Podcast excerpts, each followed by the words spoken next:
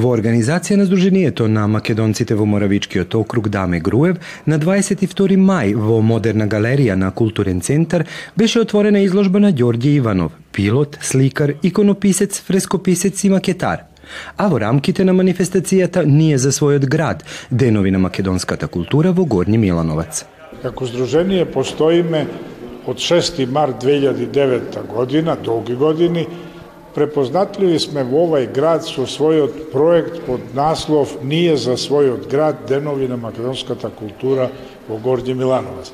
Вечерва имаме изложба на слики и икони на еден нашинец познат македонец од Белград, Ѓорѓе Иванов.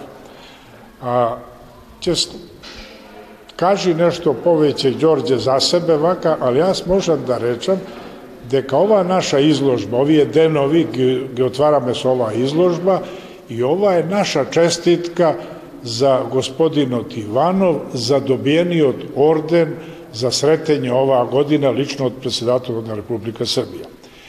А ова наша изложба е и наша желба да го представиме малце повеќе и како сликар и како иконописец. Да не зборувам јас за неговите дела, само ќе кажам дека за неговите заслуги 99 година, кога како пилот во на аеродромот Батеница заедно со негова екипа од неколку души изработил шест макети на авиони кои НАТО авиацијата ги бомбардирала и ги уништила, мислејќи дека се авиони и со тоа се сочувани 6 миг авиони, сочувана инфраструктура и најбитно сочувани се луѓето. Ќе повторам, ова наша изложба треба да биде ти еден пострек за авторот, да малце повеќе го вклучиме во работата на нашата македонска заедница, затоа што Ѓорѓе може да се вклучи со представување на своји изложби, на слики и со организирање на работилници посебно за деца за сликање. Да не заборавам да кажам дека овај проект е финансиран од Националниот совет на Македонската заедница, на нашето здружение, со помош на локалната самоуправа и со посебна помош од културен центар, каде што се наоѓаме и директорот кој секогаш не ги ни помагаат и ги подржуваат нашите проекти. За плановите на оваа здружение до крајот на тековната година председателот Груевски додава.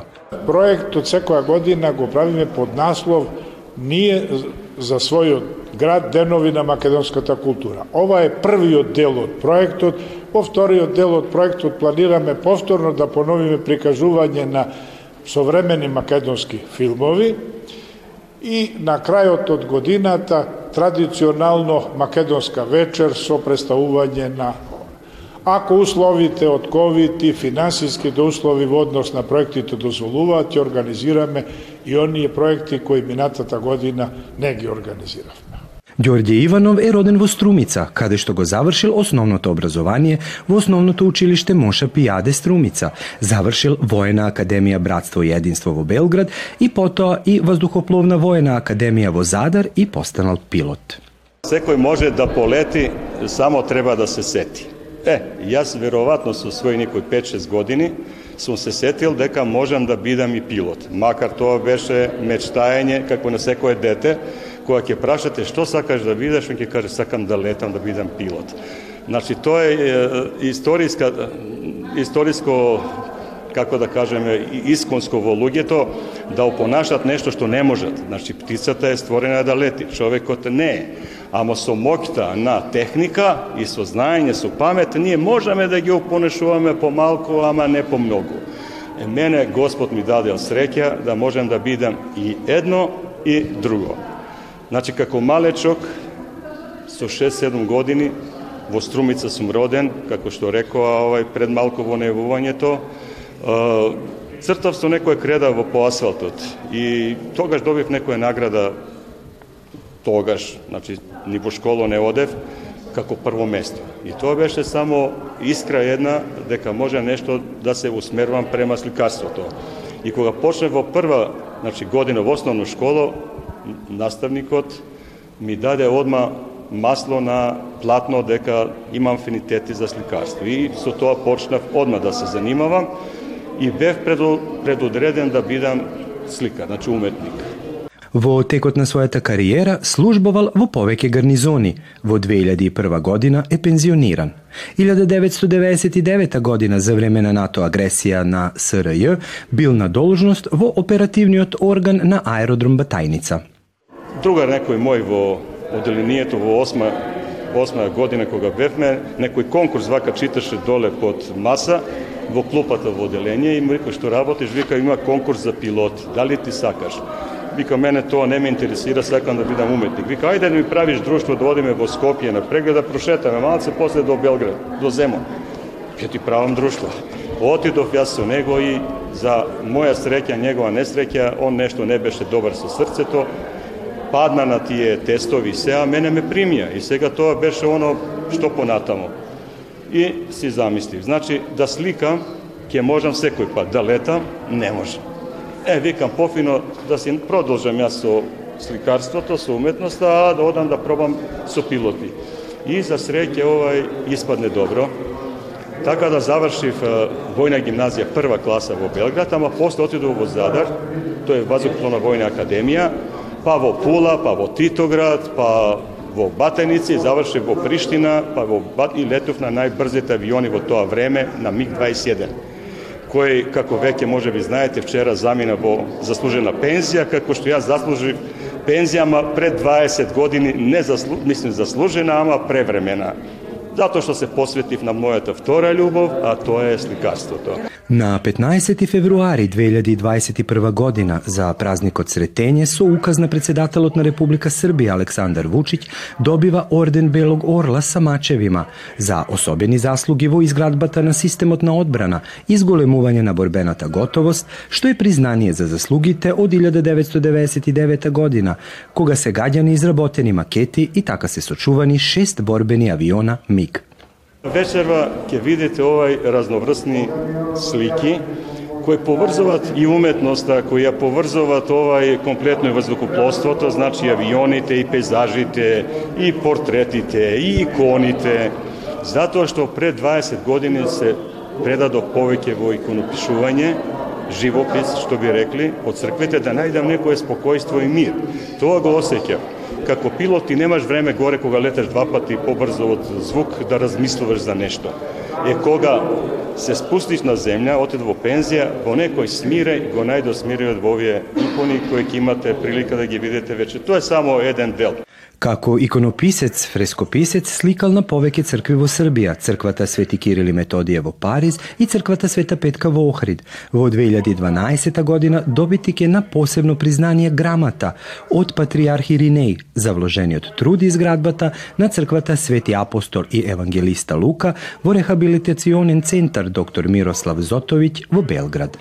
Имав голема желба да насликам на Охридско езеро некоја црква, значи и македонска, бидејќи тоа е за македонците, да се пофалам сега, вика, не е моја, ама морам да кажам, во Париз, црква Кирил и Методи, која е на Македонија дадена од французите, да ја користат на 100 нешто години, ја осликав и уште една Света Петка во Лагадин крај Охрид. Што голема чест ми беше, благодарение на фамилијата Кормушовски, кои беа титори спонзори, кои ми омогучија тоа да го направам и сега срцето ми е исполнето како македонац да Македонија оставив некој траг, а ствари тоа е траг, значи на Охридско езеро, а Охридско езеро и Охрид е познат по многу цркви, многу икони, една е тука и Богородица надвратна, која ќе ја видите, значи инспирација голема. Е сега колку сум успешен, ќе видите и самие, а ако некои бројки ви значат, бидејќи статистика не е нешто, тоа се скупна бројки кои може ништо да немат, ама ако сум имал преку 60 изложби самостални во целиот свет, немаме време сега да ги набројувам, од Париз, Рим, Беч и тако тоа не е важно и Америка, ама интересно дека има преку 13 цркви насликано, иконописувано ни Србија, како што реков, западна, углавно западна Србија, Македонија и Франција. Како сликар, досега имал повеќе од 60 изложби на слики и икони во Србија и во странство, Франција, Италија, Бугарија, Австрија, Вашингтон во САД, Словачка, Македонија. Изложбата во Горни Милановац ќе биде отворена до 2 јуни 2021 година. Гледате палету. Избор из емисија на језицима национални заедница.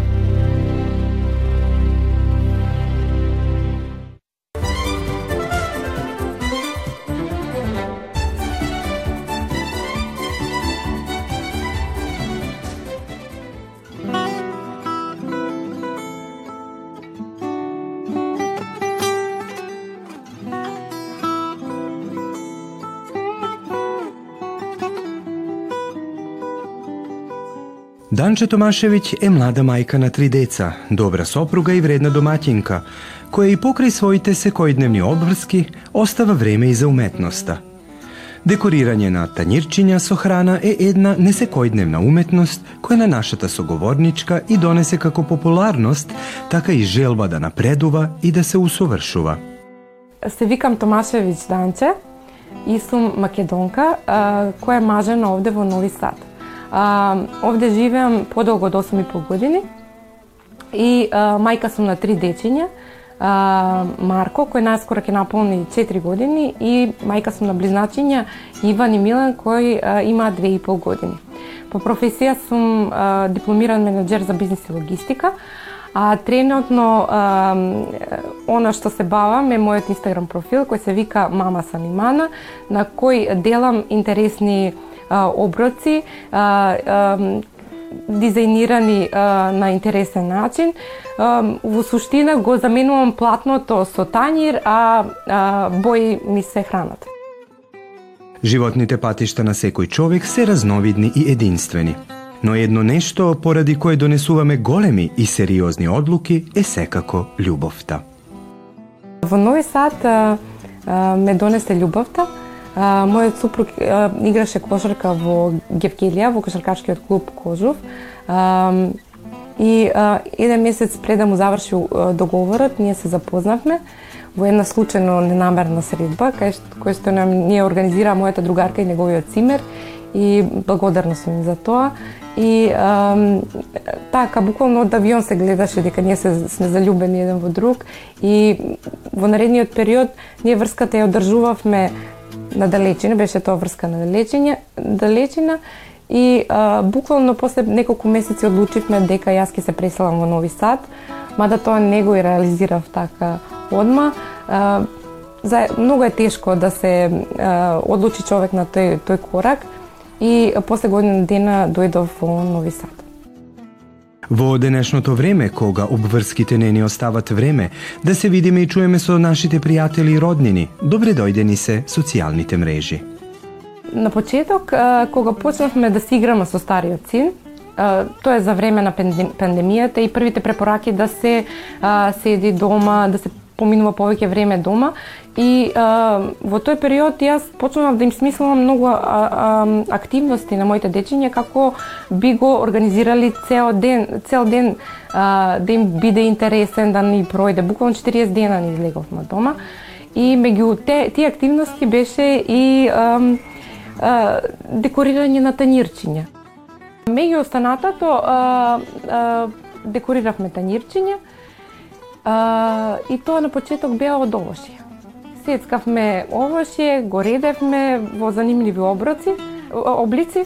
А, куче, маче, правевме гасеници, а, кукички, нешто што ќе ни текнеше во некој момент. И а, Марко, Марко тоа, на Марко тоа јако, многу му се допадна и а, тоа продолжуваше. Он како поминуваше време стануваше се а, помаштовит. А, како ќе направиме некој тањеч, он одма ми бараше следен, следно што ќе правиме и а, како он стануваше така по креативен, јас станував се повешта и буквално почнавме да правиме приказни на тањерчиња. Е, сега короната ни донесе што ни донесе. А, како стигна лето, јас не можев да отпатувам а, во Македонија. Го активирав, а, се сетив да го активирам Инстаграм профилот, преку кој можам да ги формирам моите роднини, пријатели, со на, некои наши активности, како, буквално да видат како ми растат дечињата. И а, во тој период беше профилот од затворен карактер, ама како јас објавував некои интересни танирчиња, ќе се најдеше некој да ме праша за рецепт, како сум направила, е интересно е тоа и јас би го направила на децата и а, просто почна да се јавува идеја кај мене да дека би могла дека би можела да го отклучам профилот и да го делам пошироко со сите оние кои ми е тоа интересно да го пратат. И така во декември се роди профилот Мама Салимана, Тој е, од тој момент јас наменски правам постови за Инстаграм, не се сите тренирчиња наменски направени за децата, ниту се поврзани со моите дечиња. Често да нема забуна, мислат дека се правам секој танирче што го направам, го правам за децата. Не е така. Некој сакам да презентирам некој интересен рецепт. Еве сега конкретно го правиме македонското девојче и а, преку него го би сакала да го презентирам а, зелникот како едно македонско традиционално јадење. А, некогаш ми е нешто предизвик да направам. А, некогаш сакам да раскажам некоја приказна, а некогаш е тоа стварно маке, а, детски тањирчиња. Кога ќе влезат на профил се примерно е декорирањето тенирчиња, али кроз highlights, обично и кроз стори, делам традиционални македонски јадења, рецепти, значи за македонски традиционални јадења, исто војводински, војводински јадења. Едноставно промовирам некои рецепти од балканската кухиња, кујна и од грчката исто така. Имам доста рецепти што ги знам. И Ете, тоа е интересно на мојот профил. За секој уметник важна е инспирацијата, која ја добиват на разни начини. Инспирација на почеток наоѓав на интернет. И Pinterest, Pinterest као ризница за а, разни уради сам проекти А, тука има многу интересни танирчиња за деца и на почетокот тука тука наоѓав нека инспирација, а сега тоа се осмислени постови од мене, значи нај, нај од, во почеток они се некоја моја замисла и идеја, покасно ги скицирам сама, а, после смислувам рецепт, осмислувам рецепт, осмислувам од кое јадење ќе бидат направени, кои бои, текстури ќе ги користам, а, при тоа да се е, е, да, да може да ги јадеме. А, ето тоа, во суштина се мои идеи и моја инспирација. Секој народ покрај својот јазик, култура, обичаите, има и своја кујна, но колку е лесно или тешко да се навикнеме на нешто ново, нашата соговорничка додава. Јас а, сум имала среќа да а, растам во Гевгелија, каде а, се уште може да се најде здрава храна, трен, како сакаме да ја кажеме здрава храна. А, не само заради тоа што има многу овошје и поврт и, и, и зеленчук, а, него и затоа што самото поднебје е чист, чист е воздух, воздухот, на 50 км е море, на 30 км имаме планина и а, Јас пораснав со на, на еден начин практично на медитеранска кујна. И а, многу ми беше тешко кога дојдов тука во Водина, морам да признам, при, прилично е тешка а, кујната, многу се јаде тесто, јас а, сакам да пое, а, пробам нешто, некој пити, ние ги имаме сите тие пити, ама понекогаш. А, и многу се јаде месо, јас искрено не сум љубител на месото, го јадам во многу мали количини, И исто нешто што многу ми недостигаше сте нашите македонски зрели сирења. А, јас сум јако љуб, многу љубите на козјо сирење и сега веќе а, после 8, 8 и пол години можам да најдам, знам кај да си најдам сирење, ама кога дојдов а, многу ми недостасува. Кој и да доаѓаше јас обавезно а, замолував некој да ми донесе сирење. Така да не би могла да, можела да направам паралела, потполно се две различити кујни. Кај нас е многу застапено застапен зеленчукот, поготово ние многу готвиме со јадењата се богати со зеленчук и многу повеќе се јади овошје, а тука малку е повеќе на сланина, месо и така натака. Така да на почеток ми беше проблем, ама со времето се навикнав А, јас си готвам како си го, знам да си готвам, си, си готвам на, по мој принцип, на 80-80% се македонски јадење и а, сега поготово од кога имам де, дечиња, а, уште повеќе а, сакам да готвам така да е храната богата со зеленчук, со помесо витамини, ете така. Презентирање и промовирање на македонската кујна и традиција е едно од приоритетите на Данче Томашевиќ. За оваа прилика таа ни подготви тањир со македонско девојче во традиционална македонска носија, како и зелник и тавче гравче. Македонското девојче некако многу време го осмислував како идеја како идеја долго тлееше во мене. Направено е од пире кромпир, а, па, пиперка, а, пресовано сушено овошје, а, лист од а, ориз и а, активен а, а, а, јаглен како боја и малина како боја.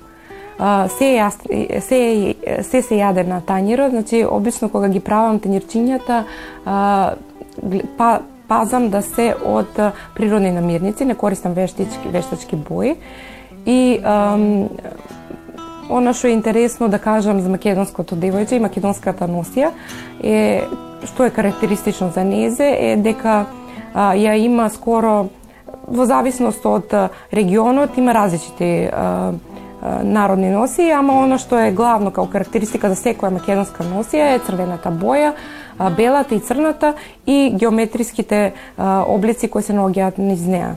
Исто и дукатите, и ете тоа е тоа. Декорирана е со зелник како е, јадење кое го презентирам на, на тањерот и зелникот е во суштина македонска традиционална пита која може да биде направена од е, сирење, зелка, кромид, праз, значи може да биде со различни укуси. Тавче гравче како традиционално јадење, македонско јадење, кое обично е го правиме ние во Македонија во земјен сад. Оно што е главно, што може да се каже, он има доста кромит, ние ставиме, ставаме и го подпечуваме и ете тоа е тоа. За самата цел на нејзиниот профил и плановите за иднината Данче Томашевиќ истакнува – Мама са Лимана како профил, оно што сака да принесе како порака не креирате уметнички дела и него оно што сака да принесе како порака е играјте се со децата и забавујте се. Јадете разноврсна храна, буквално јадете бои, јас така сакам да кажам играјте се со дечињата, носите ги на пазар, буквално уклучете ги во цел подготовка на храна, од миење овошје, готвење со нив, сервирање на храната. Значи тоа е многу побитно од било што и а, тие тенирчиња што се наменски за децата, они се многу се радуваат кога кога ги а, прави кога им ги правите. А, И битно е, не, не треба да сте уметници за да ги правите тие тањерчиња. Значи, нима, на нив им треба модел, скица само да им да, направите и они сте а, со радост учествува во цел, во цел процес, а вие ќе бидете радосни затоа што дечињата ќе изадат се. Она што ми е во план е во врска со профилот а, Мама Салимана е а, да говорам малце повеќе за да, да изнесам некои мои мислења во врска со храната и с храната. Ќе презентирам уште многу многу интересни рецепти што од македонската, српската и грчката кујна и некои интересни рецепти генерално исто и здрави варијанти на тие рецепти. А, ке декорирам, веројатно мене декорацијата ми е нешто ново и а, со секоја следна декорација јас повеќе се усовршувам, значи учам уште за декорирањето храна, значи ќе бидат туку уште многу интересни а, декорации и инспирација на крај. На крај, мама Салимана е еден профил кој сака да ме инспирира на игра, на забава, на на тоа да никош не заборавиме да го негуваме детето во нас. Бидете активни, бидете инспиративни. Данче Томашевиќ е добар пример како на лесен начин можеме да изразиме својата креативност, а пред се да се забавиме и да своето време го трошиме на креативен и забавен начин.